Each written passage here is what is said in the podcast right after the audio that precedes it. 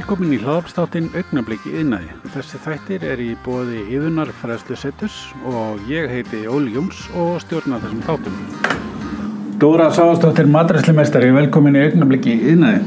að þakka fyrir. Nú langar okkur að ræða svolítið umhverfisvinkilinn á, á, hérna, á mat og matarframleyslu og hérna, meðal annars að ræða frábæra títil allavega með frábæri rítger, nei, títil og frábæri hérna, nei, frábæran títil og góður rítger, hérna góða hann fara hlínin í hátægismat Já, takk fyrir það. Já, uh, þetta, ég lagði út frá þessu, ég er sem sagt, uh, ég er Já, já. og er núna að taka kennsluréttindin upp í háskóla Ok. og þannig get ég fara að fykta í, í, framtíð maturislimanna á Íslandi. Já, hljóma vel. Já, ekki, eða þetta hljómar kannski nett, já, þetta Já. kannski hljómar ekki alveg nógu vel, en hann fara hlínur í hátægismat, uh, hljómar kannski ekki vel, en þetta er því miður svolítið sannleikur. Já.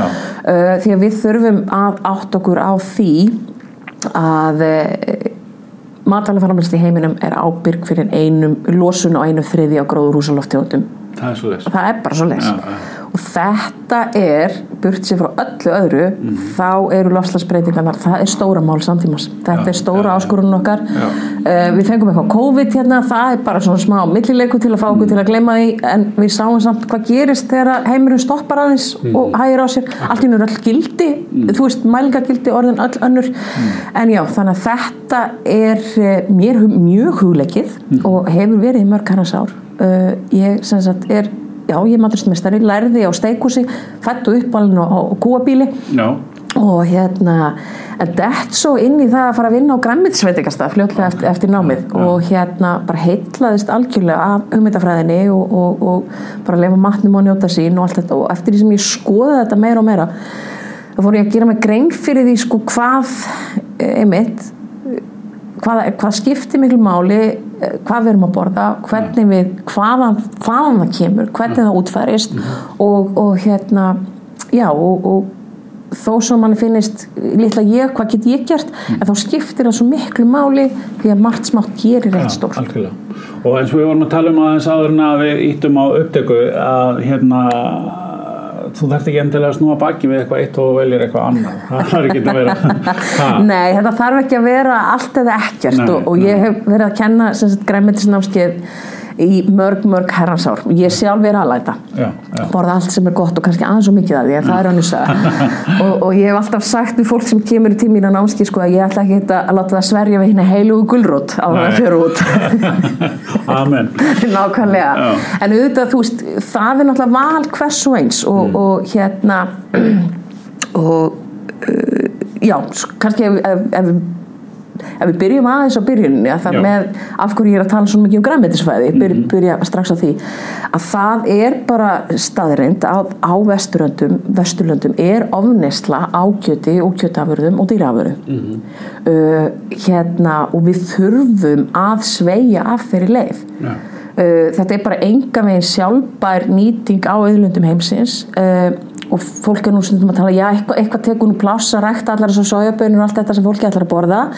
En málið er það að við þurfum að rækta við þurfum að rækta fóður fyrir dýrin sem við síðan dref, sem við, við hérna, borðum. Og eins og staðan er í dag nattrænt að þá er sem sagt 80% ræktalans í heiminum fer í það að rækta fóður fyrir dýr sem við síðan drefum sem að skaffa okkur bara 40% af fæðunni. Ok þannig að þetta er bara jafna sem að gengur ekkert upp. Er, það er auðljóst það er, það er bara alveg augljóst. Og ef við horfum líka út frá líðhelsilegu sjónamöðum, ef við bara horfum nú treystum við öll landlækni ég held að það, það er bara vitað í öllum, öllum greinum. Og samkvæmt ráleikingum landlæknis eigum við ekki að borða meira heldur en 70 grömma kjöti á dag. Akkurat. Þú fær ekki á hambúrgarastað öðruvísi heldur en að fá svona 120 gramma Já, kjötstykki. akkurat í einamálti og þetta er, er skamturinn okkar fyrir daginn. Og það er það sem er mælt með bara fyrir út frá heilsu okkar. Já, þannig að bara ef við færum nú að hlýða landlækni Já, já. og gera að borða það það myndi draga gríðarlega úr neslu Mm. og uh, þannig að, já, þannig að þess vegna við þurfum kannski ekki endilega öll að verða vegan. Nei, nei, akkurat. Uh, og í mínum sko margir kjósa að vera vegan út af finnum ímsa ástöðum. Loftslast ástæðunar eru, eru virkilega eitluti og svo er náttúrulega dýraverferðin og, og, og allt þetta sem er bara annar pakki. Og ég, ég sem manneski hef engan rétt á því að rýfast við aðra mannesku um hennar grundvallar prinsip á því af hverju hún kýsa borða ekki dýr. Þannig að ætlum að, ég, ætla, ég ætla bara að taka það strax fram að ég ætla að taka það út úr menginu í þessari já. þannig að hérna að, já, þannig að það, Það snúi sé á þannig. hreinu. já, Sko uh, matarframlegslan ábyrg fyrir einu þriða gróðurhúsa loftegundum og hérna svo tengi maður við uh, umhverfismál oft bara við flokkun og rusli en, en það, það er kannski miklu meira eldur en það. Já, algjörlega.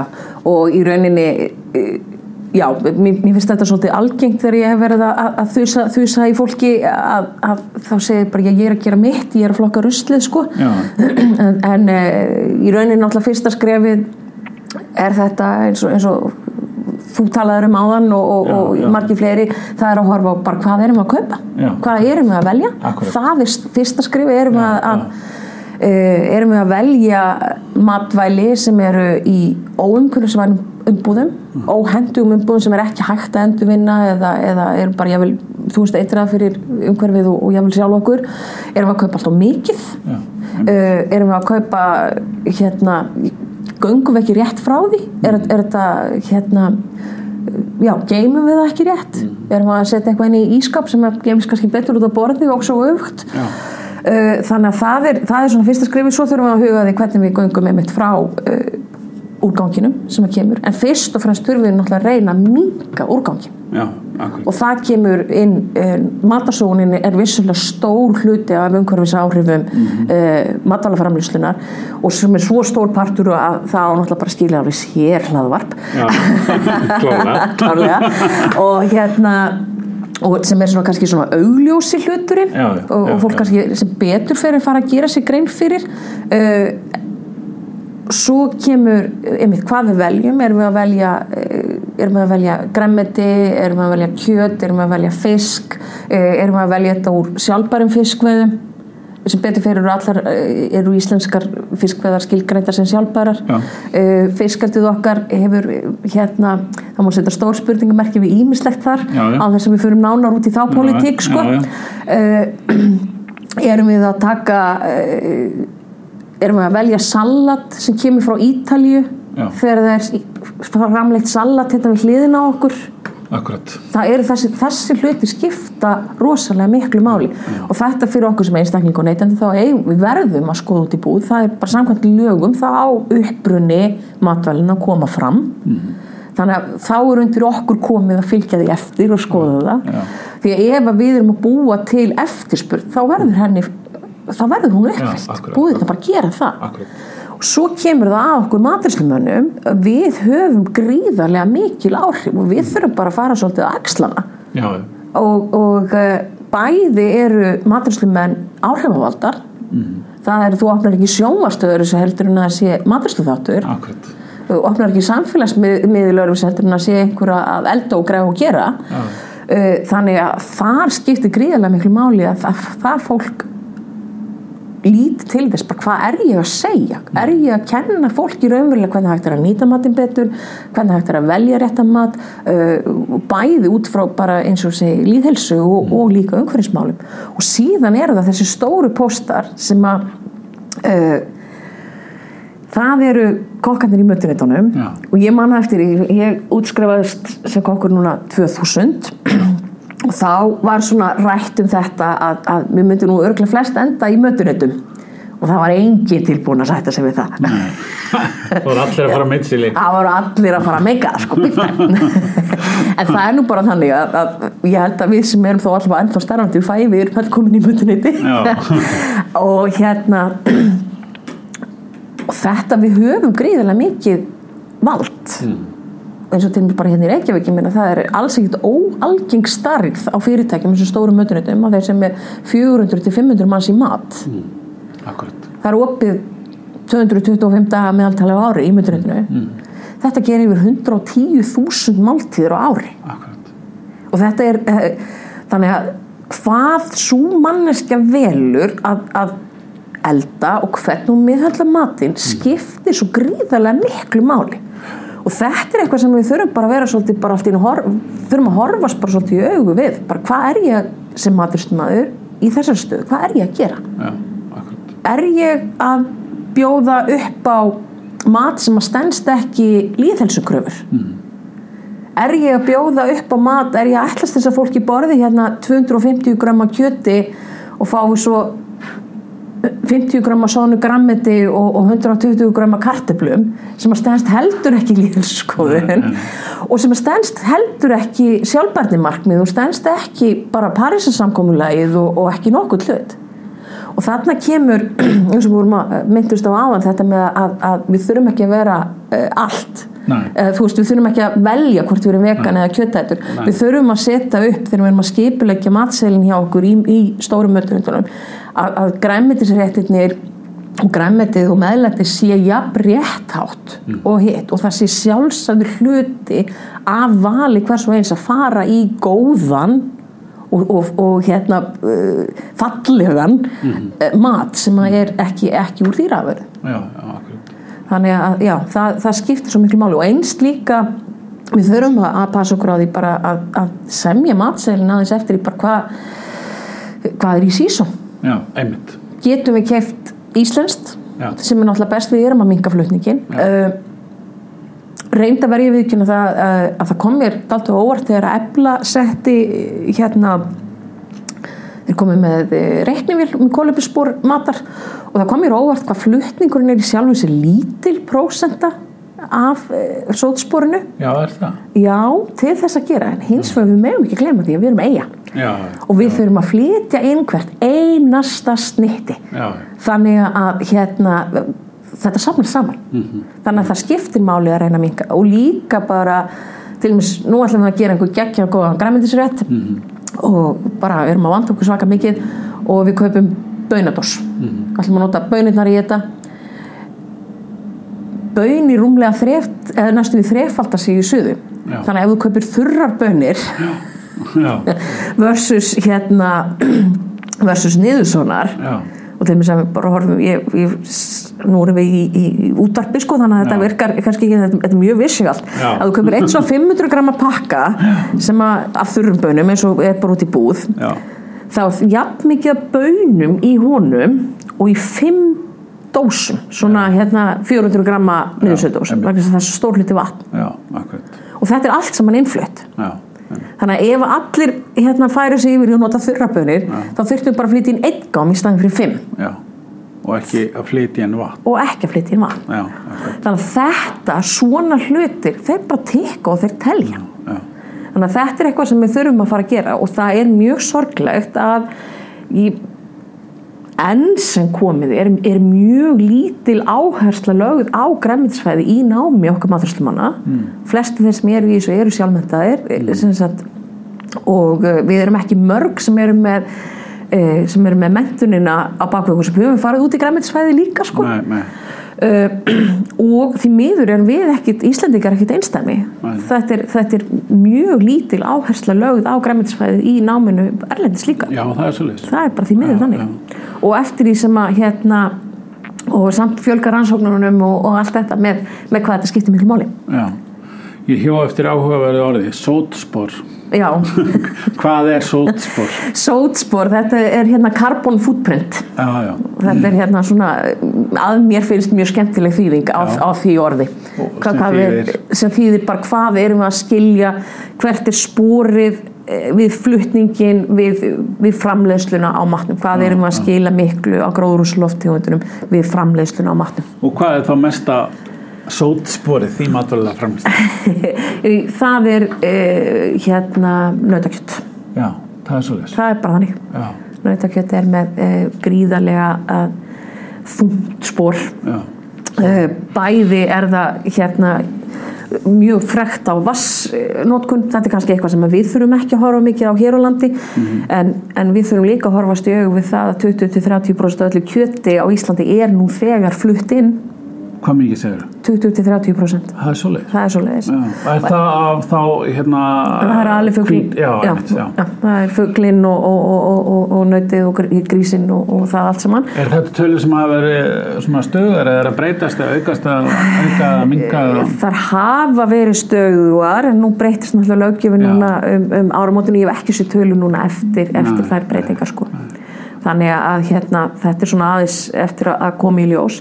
Og svo við heldur ekki gleyma því að við erum að framleiða eh, eina kjöti sem við erum svona framleiðum cirka bát nóg af er, er lambakjött en við erum líka að flytja út rosalega mikið af því. Já, já, og það er líka sótspor af því.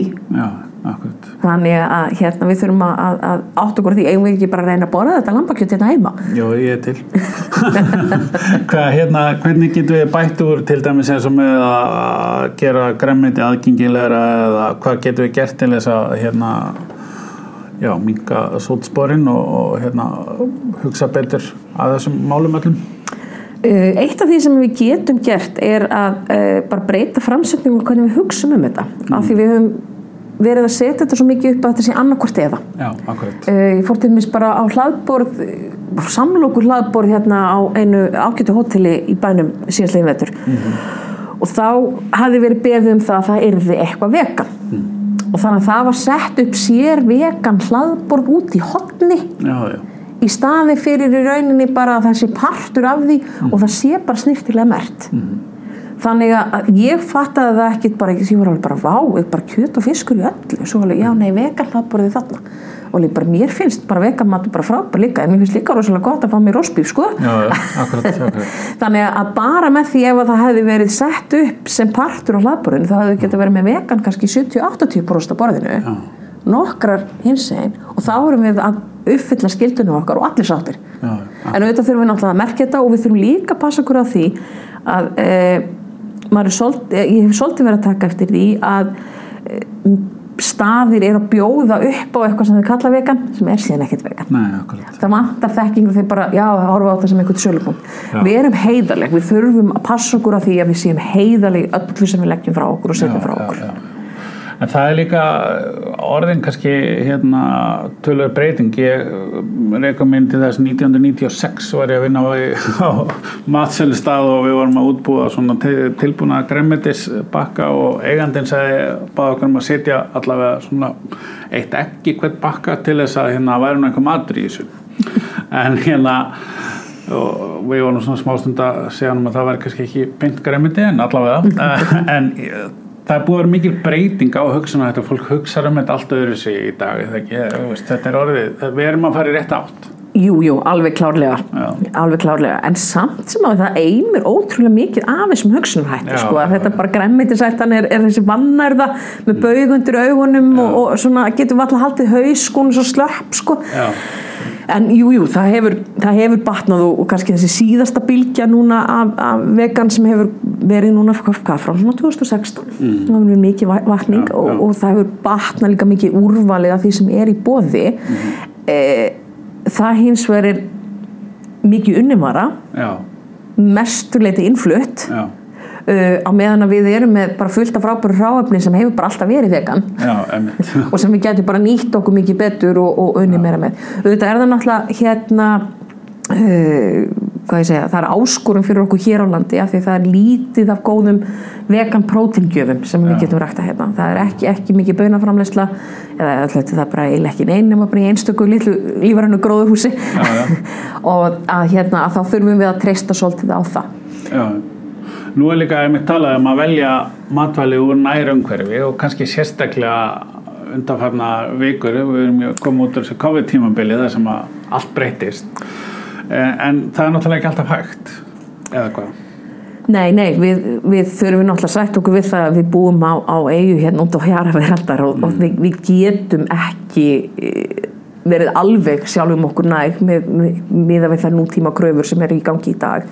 En við getum samt mikið, mikið betur. Já, og það líka að horfa á uh, að við séum markvist að velja þegar það er tvent í bóði að við veljum það sem er framleitt nær. Já, og að við hugsum út í það bara er eðlilegt að kaupa sér aspas í desember þegar aspastímabilið í Evrópu er já, það er akkurat að klárast núna, það er mæjúni að er eðlilegt í desember að vera að kaupa sér aspas frá Peru já, uh, og þetta er náttúrulega bæði flutningurinn og svo er þetta líka rosalega stórt siðferðislegt mál eins og, eins og stóra quinoa máli sem að kannski margir hafa heyrt um að allt í hennu quinoa vex í, í, í hardbíl, hardgerðu hörðu landi og hefur verið í andirsfjöllunum og allt þetta verður síðan allt í hennu rosalega vinsal heilsuvara á Vesturlöndum verði ríkur upp og, og, hérna, og það tekið allt jarnæði á þessum svæðum er tekið undir kínóaræktun mm. sem þýðir það að, að landegundur í andirsvillunum er að fá fullt af pening mm. en ekki fólki sem er að vinna jörðina og núna hefur það ekki aðgengi lengur að sínu bletti þar sem það að rækta sína einn matvöru. Heldur það þarf að flytja einn mat á svæði þeirra sem er orðið miklu dýrari.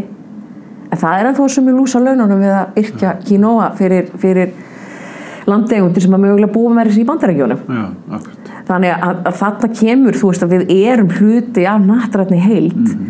þannig að við þurfum aðeins að stoppa og hugsa hvað erum við að gera, hvað erum við að styðja bara peningurum minn, þúsundkallir minn hvert fer hann þegar ég er að kaupa mat Já. fer hann í flutningsaðila fer hann í, í fjármakssegundur eða er hann að fara raunverulega til fólk sem er að yrkja jörðina mm. og við þurfum líka bara svolítið að stoppa og hugsa eh, hvaðan ætlum við að fá matin okkar í framtíðinni mm. uh, hérna ég satt akkurat fyrir nokkrum árum inn á hérna slófút fyrirlestur stopnandi slófút samtakana var á Íslandi og hann var með fyrirlestur nýri háskóla og sama dag Costco opnaði. Já. mér fannst það svona daldið poetíst að, að þarna er þessi maður sem er mikill frumkvöld og talin einna hundra áhrif var einhverstu mönnum heims e, bara með sína hugssjón um þetta einmitt að það skiptir máli hvaðan við erum að, að fá matin og allt þetta. Og að við verðum að hlúa því að það að vera bondi og, og, og fiskimaður og allt þetta sé raunverulegt val fyrir börnin okkar þegar við erum að vaks og grassi því að við getum ekki borða tveir fyrir einn tilbúð og Costco innpakkað í plast ef það er enginn til að framleiða matin Nei, akkurat og þetta er bara, við erum að sko, bændur í einirkjar og bændur eru í útrýmingahættu í Európu þegar mm. meðalaldurinn er að nálga sjötugt mm. og, og hva, hvað er þá að gerast? Já. Hvað verður þá? Við þurfum alltaf að borða Já Það er góða punktur, það er kannski bara svona loka punktur að, að hérna fyrir okkur sem einstaklinga hvað við getum byrjað að gera strax að það er að hugsa um akkurat þessa hluti, eða ekki? Jú, og bara fyrst og fremst er náttúrulega kveikja á meðvutundinni erum ekki bara, ekki bara á gömlu vana, mm. ekki bara af því að einhverju auðlýsing var rosalega hávar og björt og glimjandi heldur raunverulega að gera sér grein fyrir hvaðan er maturinn minn að koma hvert, hvert vil ég styrkja með mínum pening? Því að það er nú bara þannig bara peningurinn okkar er það sem að keirir þetta áfram mm. sem gerir það verkum að það er hægt að halda áfram yrkjalandi og þess vegna verðum við að vera velja og við að, við þurfum að kjósa hverjum einasta degi hvernig við erum að styrkja og hvernig við viljum láta að lifa af. Frábært. Dóra Sáastóttir, maturisli mestari og, og hugsaðan að kona Takk fyrir spjallið. Já, takk fyrir